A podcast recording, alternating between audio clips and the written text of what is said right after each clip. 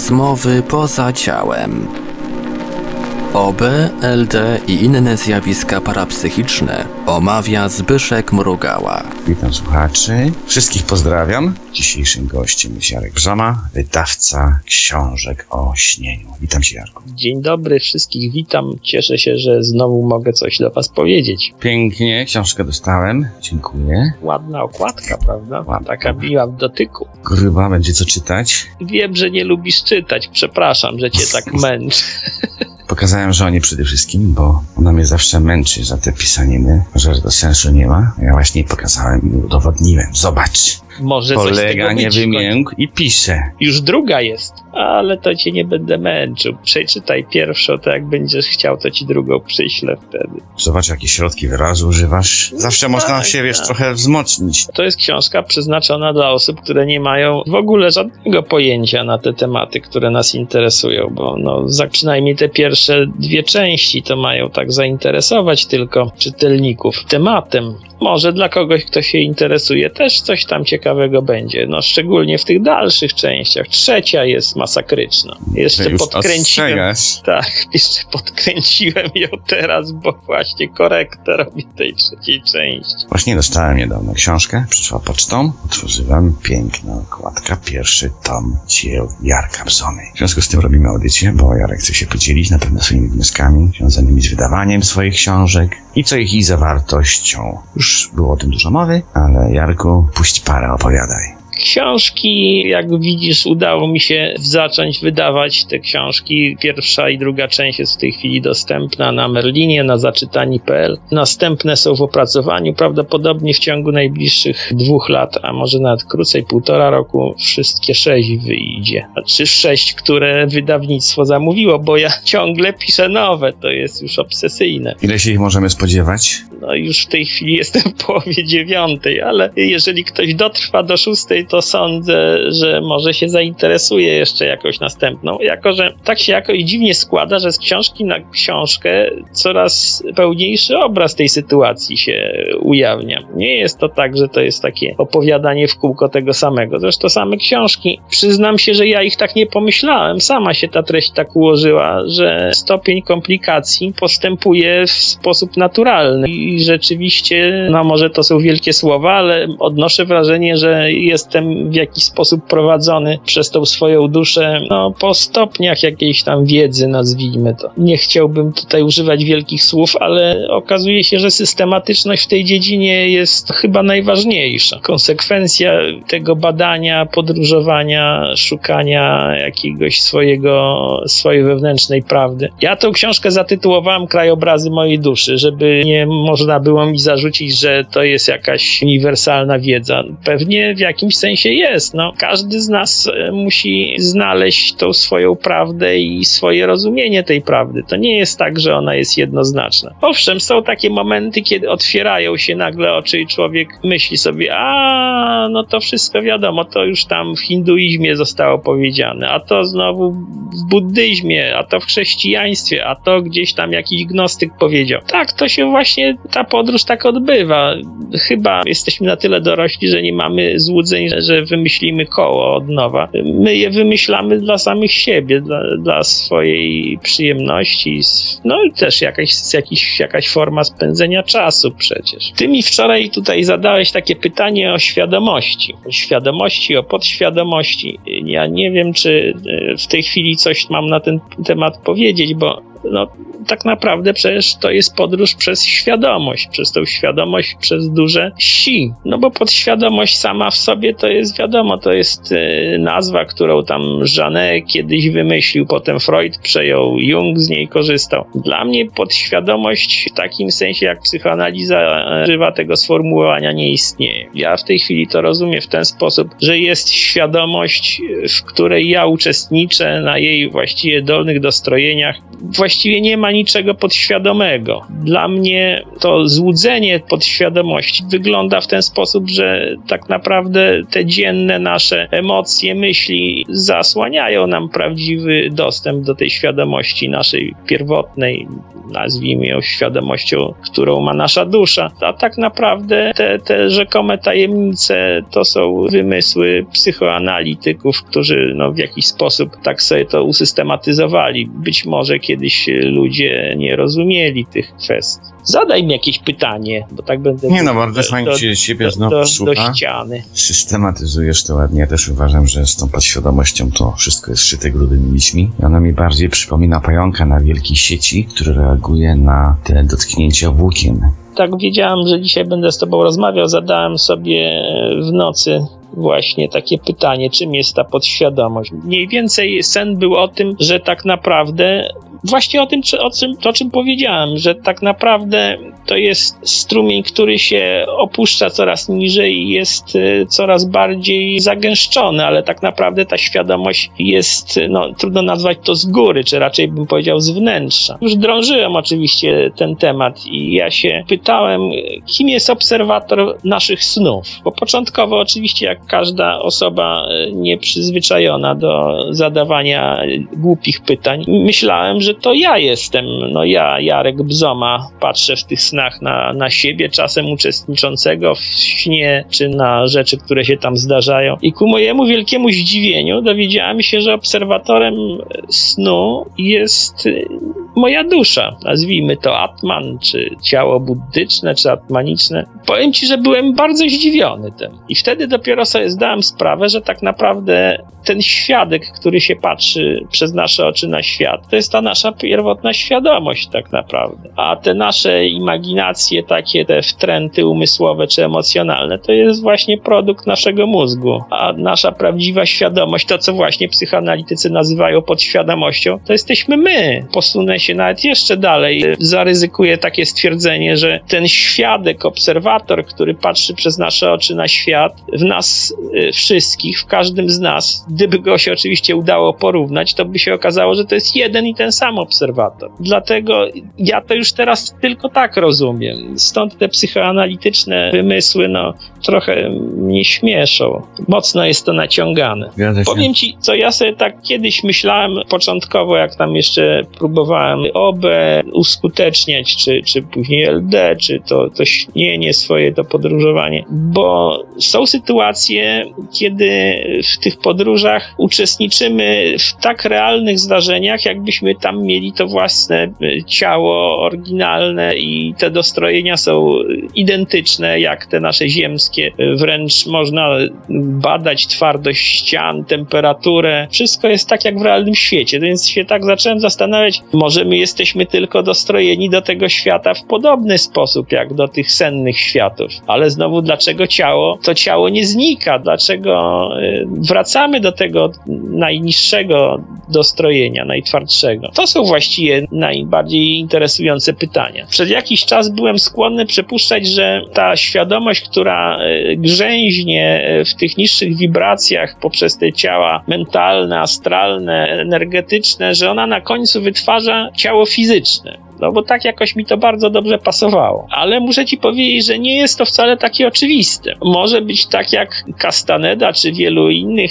podróżników, mistyków twierdziło, że, że nasza świadomość y, zasiedla y, ciało biologiczne z mózgiem o odpowiednim potencjale, który może przetworzyć y, dane, które przerabia świadomość na poziomie takim wyższym ludzkim. Ale to znowu pojawia się pytanie, kto jest twórcą tych ciał biologicznych te, tej rzeczywistości, to, to powiem ci, że to no, można badać rzeczywiście w nieskończoność. Te pytania można zadawać. Ja tak sobie tam notuję, notuję, zgłębiam. A właśnie, ostatnio się zapytałem, y, ilu Jezusów jest w astralu. Bardzo interesujące pytanie i bardzo ciekawa odpowiedź. Ile ich wyszło? No, to taki cały stragan był. Parę tysięcy podejrzewam. Nie liczyłem, ale tyle mi pokazali. I muszę ci powiedzieć, że wciąż jeszcze ulegam złudzeniu, że otrzymam jakąś odpowiedź ostateczną. Tak sobie drążę, czasem z, tutaj ze znajomymi różnymi sobie śnimy,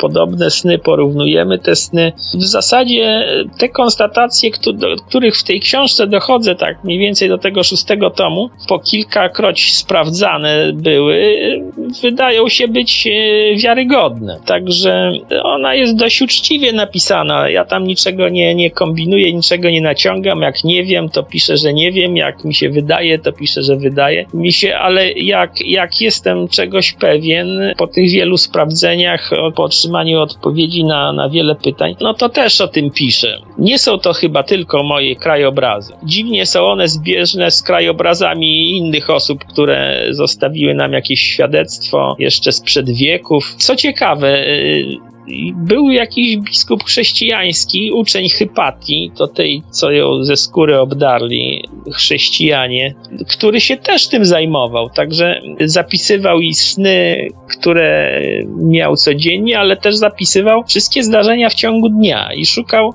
no to już było przecież chyba w trzecim, czwartym wieku naszej ery i szukał właśnie zbieżności. Także ta koincydencja, którą Jung odkrył, y, właściwie ludzi zastanawiała już bardzo dawno temu. I jak widać, poszukiwano już tych rozwiązań we śnie, szukano odpowiedzi na te pytania podstawowe, egzystencjalne, metafizyczne już, już dużo wcześniej. Jeszcze w czasach buddyzmu, jeszcze wcześniejszych, ludzie próbowali sobie jakoś z tym poradzić. No, jedynym źródłem było informacji był albo sen, albo jakiś stan mistyczny, ekstatyczny. Nie było innego sposobu. No, to, co czytamy o tym, że zstąpił na kogoś Duch Święty albo doznał objawienia, no to właściwie jest to samo, tylko innymi słowy opisane. Co do świadomości i co do tego właściwie, co się z tą świadomością dzieje i jak my tą świadomością do, doświadczamy tej naszej rzeczywistości, w której żyjemy w naszych ciałach. Bardzo interesująca rzecz. Nie wiem, czy Grofa czytałeś.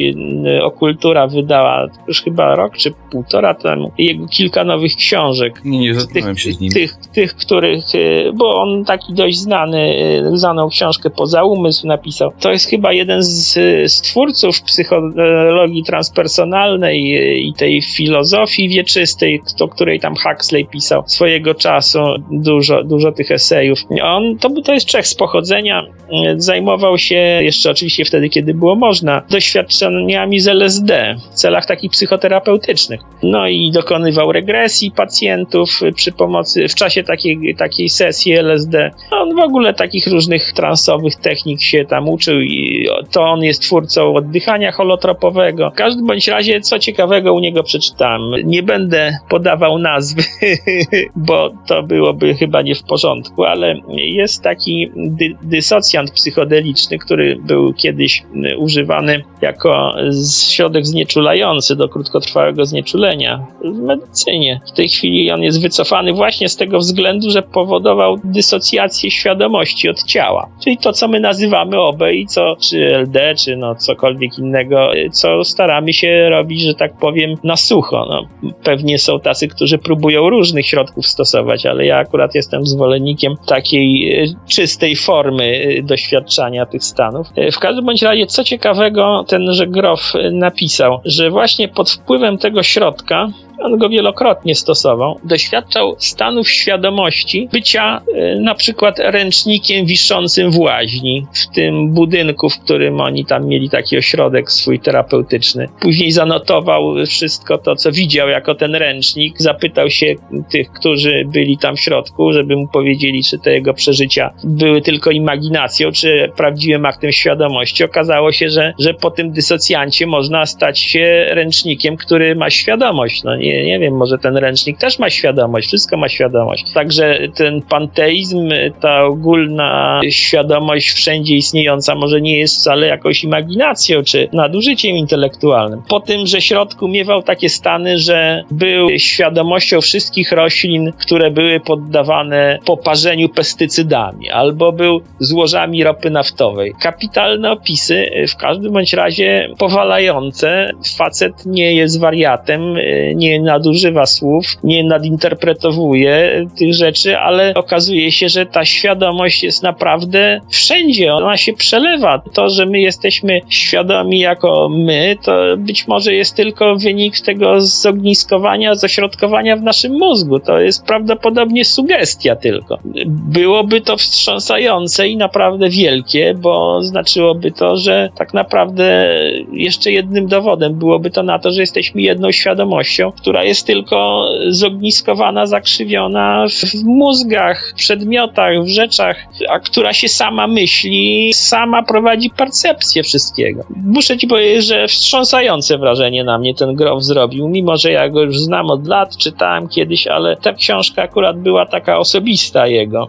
Wspomnienia o takiej drodze życiowej, bardzo interesująca. To chyba miało tytuł Kiedy niemożliwe staje się możliwe. O, taki tytuł jest tego, także również zachęcam do przeczytania. Jest jeszcze książka Grofa, mniej więcej w tym samym czasie wydana, Najdalsza podróż. Notabene tytuł identyczny jak u Monroe'a. Ale niestety uciekła mi ta książka, gdzieś nie zauważyłem, kiedy była wydana. Też bym chętnie przeczytał. Także proszę szanownego państwa, koleżanek i kolegów, warto jest to wszystko badać, no bo jeżeli my tego nie zrobimy, to ktoś za nas to będzie musiał zrobić prędzej czy później. Myślę, że przyjemnie wziąć udział w tym osobiście, no bo to jest chyba największa przygoda życia, chyba nas wszystkich ludzi. No, pięknie mówisz. Widzicie, jak spłatka. No, jak, ten, jak, jak agitator na trybunie. Nie, fajnie ci wychodzi. Nawet nie mam co dodawać. Nie ma sprzeciwu. Nie ma sprzeciwu. Jedna rzecz ciekawa, to no, też się głowie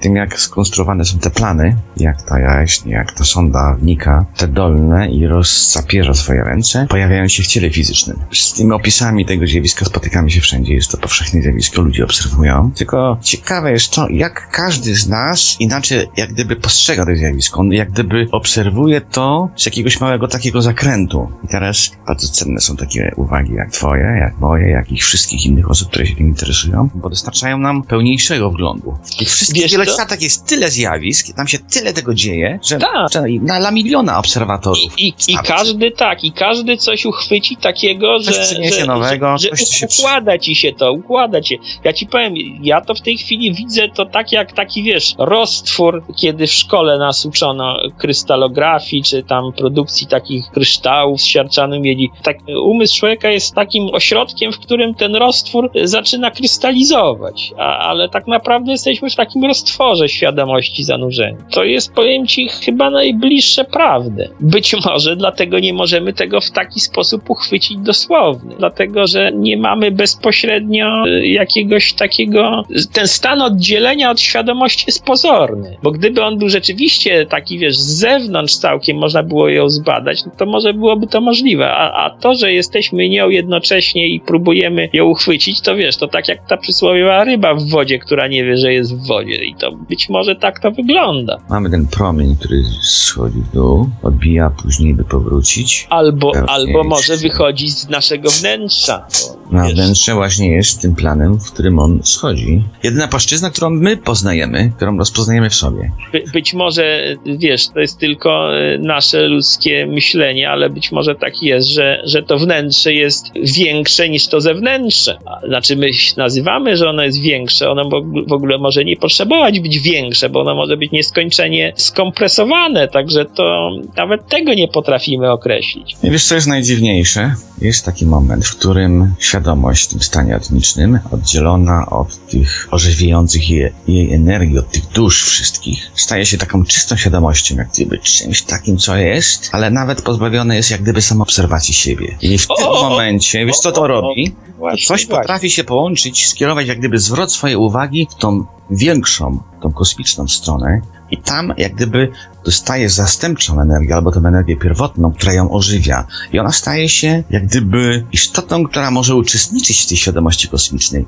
Jaźń może swoją uwagę zachować, ale jednocześnie jak gdyby śledzić ten ruch tej świadomości kosmicznej. I to są te momenty, do których każdy dąży, bo to jest moment, w którym porzucamy te łupiny, te skorupy. Te, to, co nam przeszkadza, tak, by, by, być czystą świadomością. I dostajemy się do środka. Ale właśnie, dobrze, że o tym powiedziałeś, bo ja ostatnio zadawałem takie pytania, czy nasza dusza, czyli ten poziom buddyczny, atmaniczny, ma swój rodzaj ego, czyli swojej takiej jaźni, y, która jest, no, tak jak człowiek ma sw swoją tą zogniskowaną świadomość tutaj niżej, czy, czy na przykład dusza już jest całkiem rozmyta pod względem świadomości, czy ma tą świadomość skupioną i jest świadoma sama siebie, jako oddzielnego bytu od powiedzmy wyższego stopnia, czy atmanicznego, czy brahmanicznego. No i otrzymałem taką odpowiedź, że owszem, że ona ma swoją taką jaźń. Nazywają to ludzie właśnie tym rdzeniem świadomości. I to widocznie jest ten rodzaj świadomości. Ja ci powiem, ja kiedyś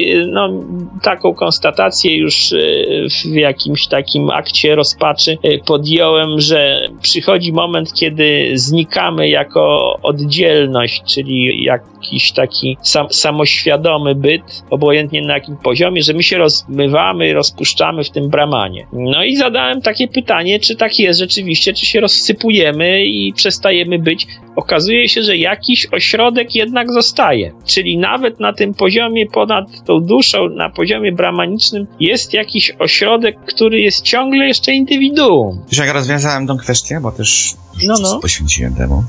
Dla mnie interesujący był właśnie ten moment. Moment stanu atmicznego, w którym ja rezygnuję z tych dolnych planów tak. i tracę ego, tracę swoją pamięć indywidualną, ale ten rdzeń mi pozostaje. Teraz co się dzieje? Ty ja spróbuję jego jak gdyby utożsamić ze świadomością kosmiczną. I tam miałem takie różne momenty, w których jak gdyby ona nagle traciła tą swoją przestrzeń siebie. Ja zachowywałem swoją indywidualność jako podmiot, właśnie nie indywidualność, zachowywałem odczucie siebie jako rdzeń, jako fragmencik, ale jednocześnie tym planem, w którym się łączyliśmy, była wspólna wola i robienie czegokolwiek. Ale ja mogłem... miałeś poczucie bycia oddzielnym. Właśnie, nie. Problem polega na tym, że ja mogłem zachowywać dystans wobec tego, co się dzieje, jak gdyby uczestniczyć, obserwować to, co ja niby tak, robię tak. i wtedy byłem ciągle jednostką, ale ja mogłem nagle stać się częścią jak gdyby tego podmiotu głównego. W tym momencie nastąpiło coś takiego jak integracja. Ja tylko nie rozpoznawałem różnicy w tym, że ja byłem na przykład potężniejszy, większy, ale mogłem swoją wolę utożsamić z tą wolą tego większego być, skupiska. Być, mo być może. I my robiliśmy jest... wspólnie.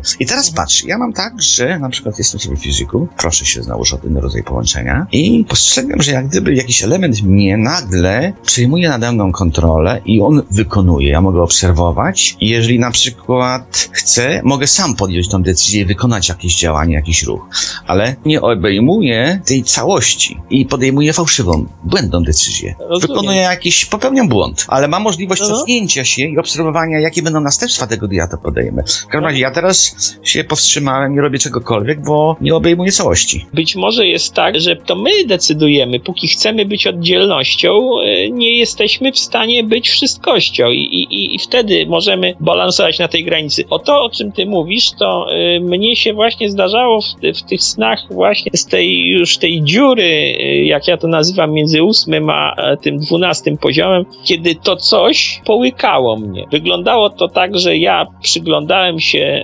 ustom, czerwonym ustom i w tym momencie następowało odwrócenie tego mojego ekranu śnienia już drugie z kolei i ja znajdowałem się wewnątrz tych, tego czegoś, co miało te usta i widziałem to wszystko z drugiej strony, ale nie zostałem ani połknięty, ani nie miałem też właśnie tej świadomości bycia wszystkim, tylko ciągle jeszcze miałem świadomość jednostkową, no i siłą rzeczy wypluwało mnie to po jakimś czasie na drugą stronę. Także to jest to dokładnie to samo, co ty opowiadasz. Protest złożyłeś, nie chciałeś. Yy, zresztą ja ci powiem, kiedyś już na samym początku, nawet chyba w tej pierwszej części opisałem to zdarzenie, kiedy stanąłem przed tym, co powiedzmy Newton, czy tam chyba Newton nazwał Radą Starszych, czy to, co się nazywa y, sądem cząstkowym, obojętnie jakbyśmy to, tego nie nazwali. I ja się wtedy zapytałem tego całego towarzystwa, które tam było obecne, mniej lub bardziej wyraźne, jak długo to wszystko jeszcze będzie trwało.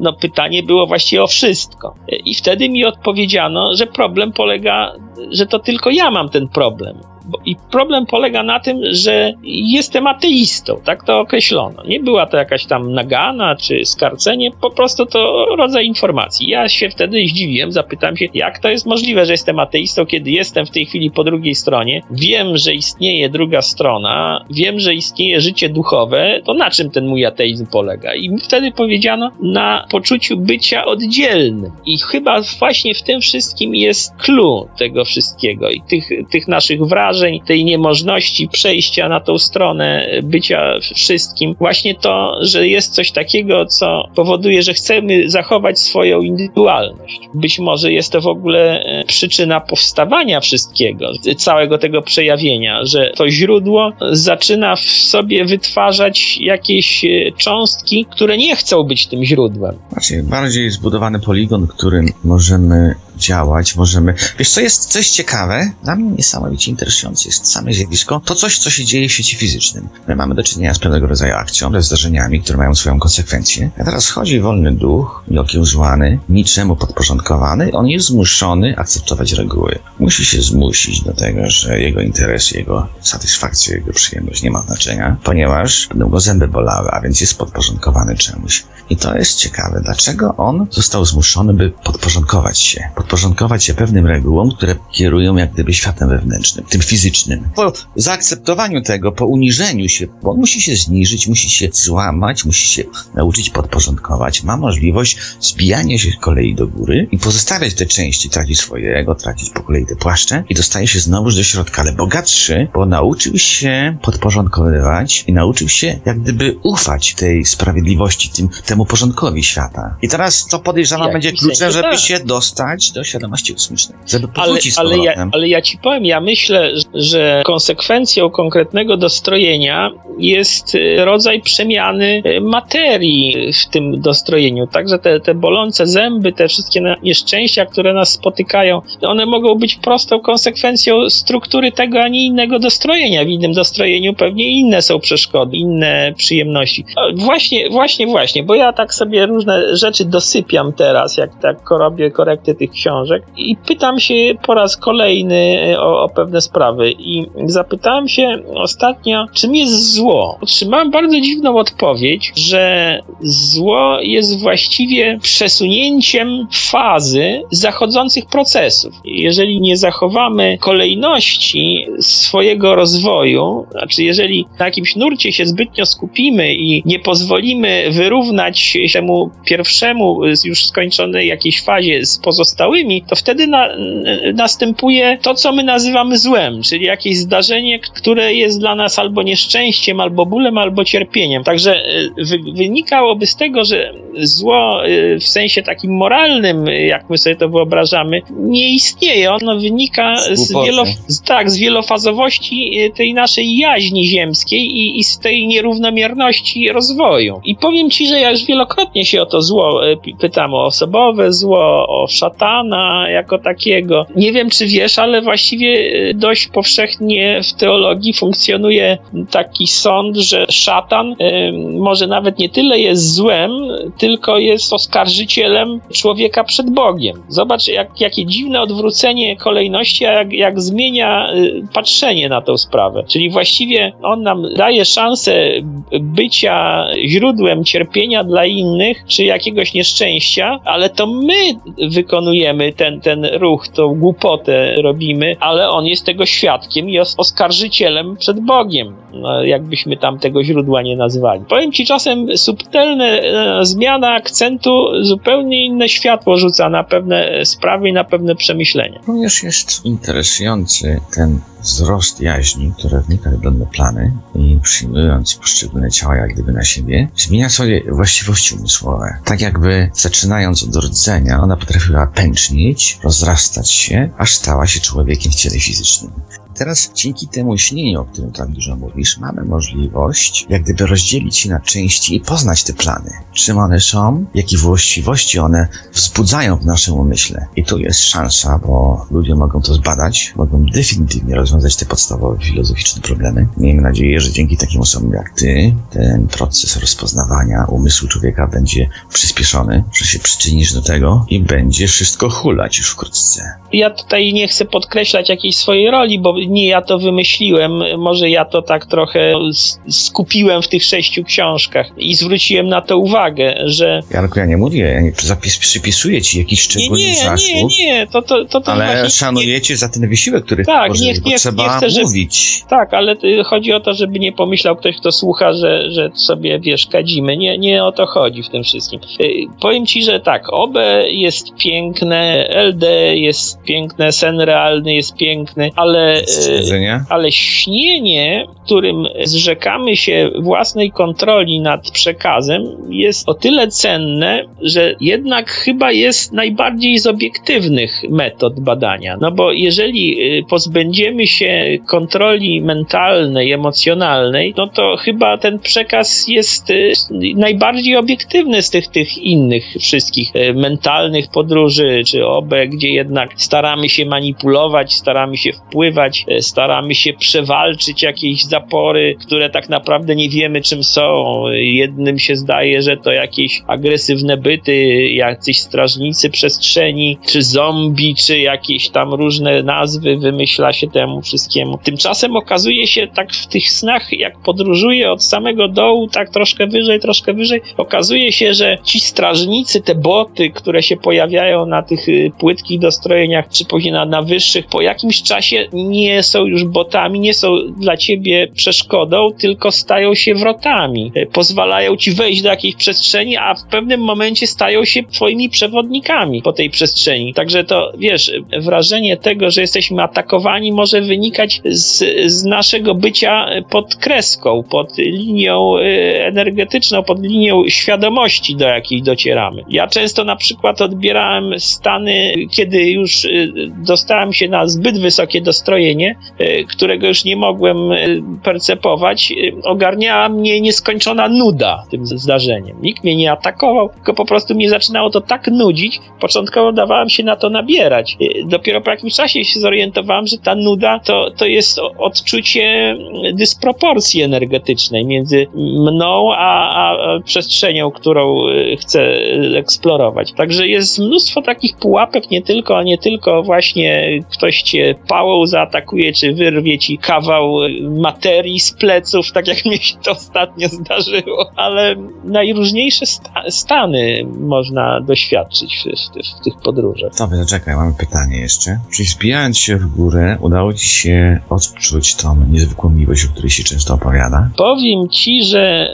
mm, nigdy mi się nie, nie udało doświadczyć mi, zetknięcia z miłością bezosobową. Tak, często tam ktoś opowiada, nawet jakiś tutaj chirurg napisał taką książkę, bardzo poczytna była, że właśnie doświadczał takiej, takiej wszechogarniającej miłości. Y, zresztą ja ci powiem, tu się pojawia też kwestia osobowości bytu tego najwyższego. Wszystko wskazuje na to, że ta świadomość uniwersalna, ta, ta, ta jedyna świadomość, ona staje się osobą w momencie, kiedy zaczyna działać. Czyli w momencie, kiedy tworzy plan przyczynowo-skutkowy, czyli to, co my nazywamy tym ciałem przyczynowym, to ona dopiero zaczyna być osobą. Wcześniej ona tą osobą wcale nie jest. Ona jest tylko rodzajem takiej potencji. Ja owszem spotkałem się z taką wszechogarniającą miłością, znaczy z taką erupcją miłości w zetknięciu z bytami osobowymi. Kiedyś, nie wiem czy opowiadałem ci, y, byłem w domu dusz, czyli w tej swojej grupie dusz i zjeżdżałem potem na sam dół. Coś